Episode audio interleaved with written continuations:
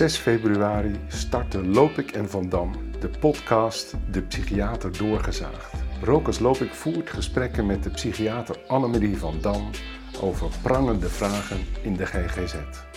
Op die dag spraken we over de DSM-5, over hoe ik erover denk en over hoe Annemarie erover denkt.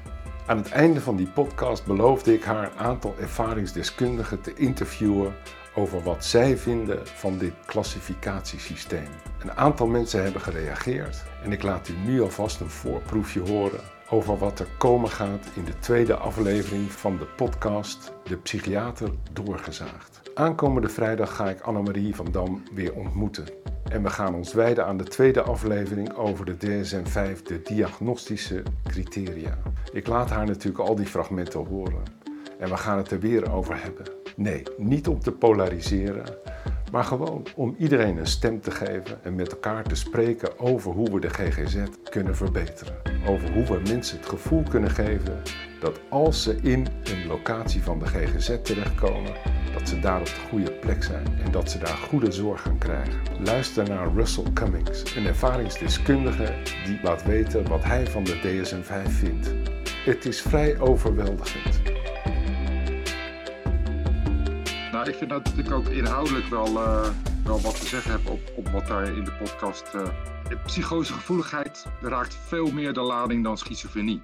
Schizofrenie is het containerbegrip. Het is dan, uh, nou ja, nog even een stukje terug. Je had het over altered realities. Iemand is in een andere realiteit. Ziet de wereld vanuit een andere realiteit. En als je erin zit, is dat jouw realiteit. En psychosegevoeligheid, dat zie ik net zoiets als griep.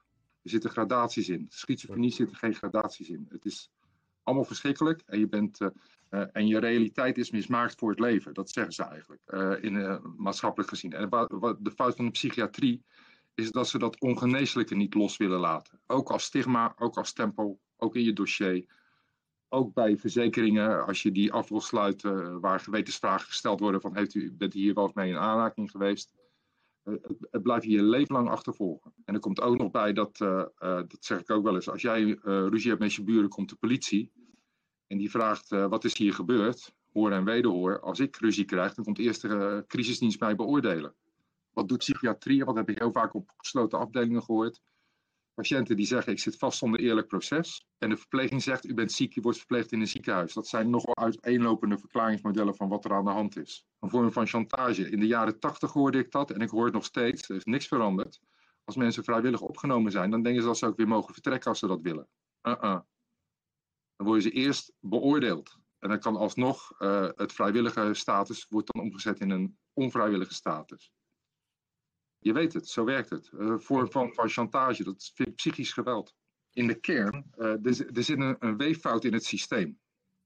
Namelijk dat, dat iemand die in de psychiatrie in behandeling is, onder de verantwoording valt van de psychiatrie. En als het dan misgaat, wordt psychiatrie aangesproken op de patiënten bij hun in behandeling. De beste psychiaters waren niet kringbaar in hun beroep. En dat vind ik wel uh, heel, heel prettige mensen. En ze zijn er, hè? Getalenteerde, open, open mind, ja, ik, ik, ik, ga een beetje los, geloof ik. Hè? Iedere interventie die ten gunste van de patiënt verandering teweeg brengt, is een vorm van behandeling. Dat heilige woord uh, van alleen uh, psychologen en psychiaters mogen behandelen en hoofdbehandelaar is bullshit. Een woonbegeleider die inhoudelijk ingaat op wat iemand vertelt, is aan het behandelen. Alleen ze zijn er doodsbang voor, want wat als het misgaat? Altijd wat als het misgaat? Wie heeft het gedaan? Waar, waar, waar gaat de vinger heen? Wie is verantwoordelijk? Nou ja, kijk, een patiënt is van zichzelf, hè? dat heb ik al gezegd. Je, je kan uh, dingen met iemand bespreken en zeggen als je hier de straat uitloopt ga je linksaf. En als je toch besluit af, uh, rechtsaf te gaan, is dat zijn keuze.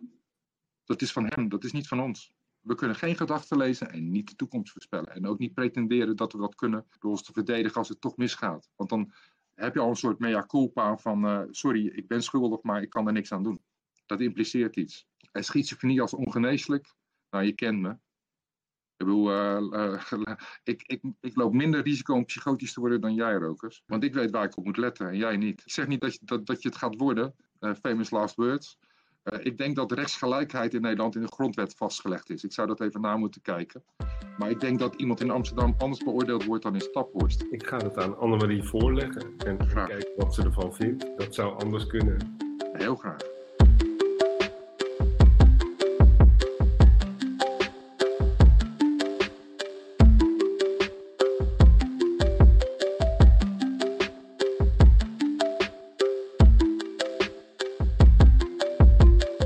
Al dus mijn goede vriend Russell Cummings. Dit was slechts een kleine selectie van de reacties van Russell. De volgende keer laat ik u alles horen. En zoals gezegd, aankomende vrijdag ga ik Annemarie van Dam weer spreken.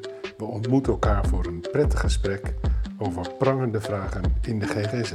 Tot de volgende podcast, De Psychiater Doorgezaagd. De podcast De Psychiater Doorgezaagd kunt u beluisteren op Springcast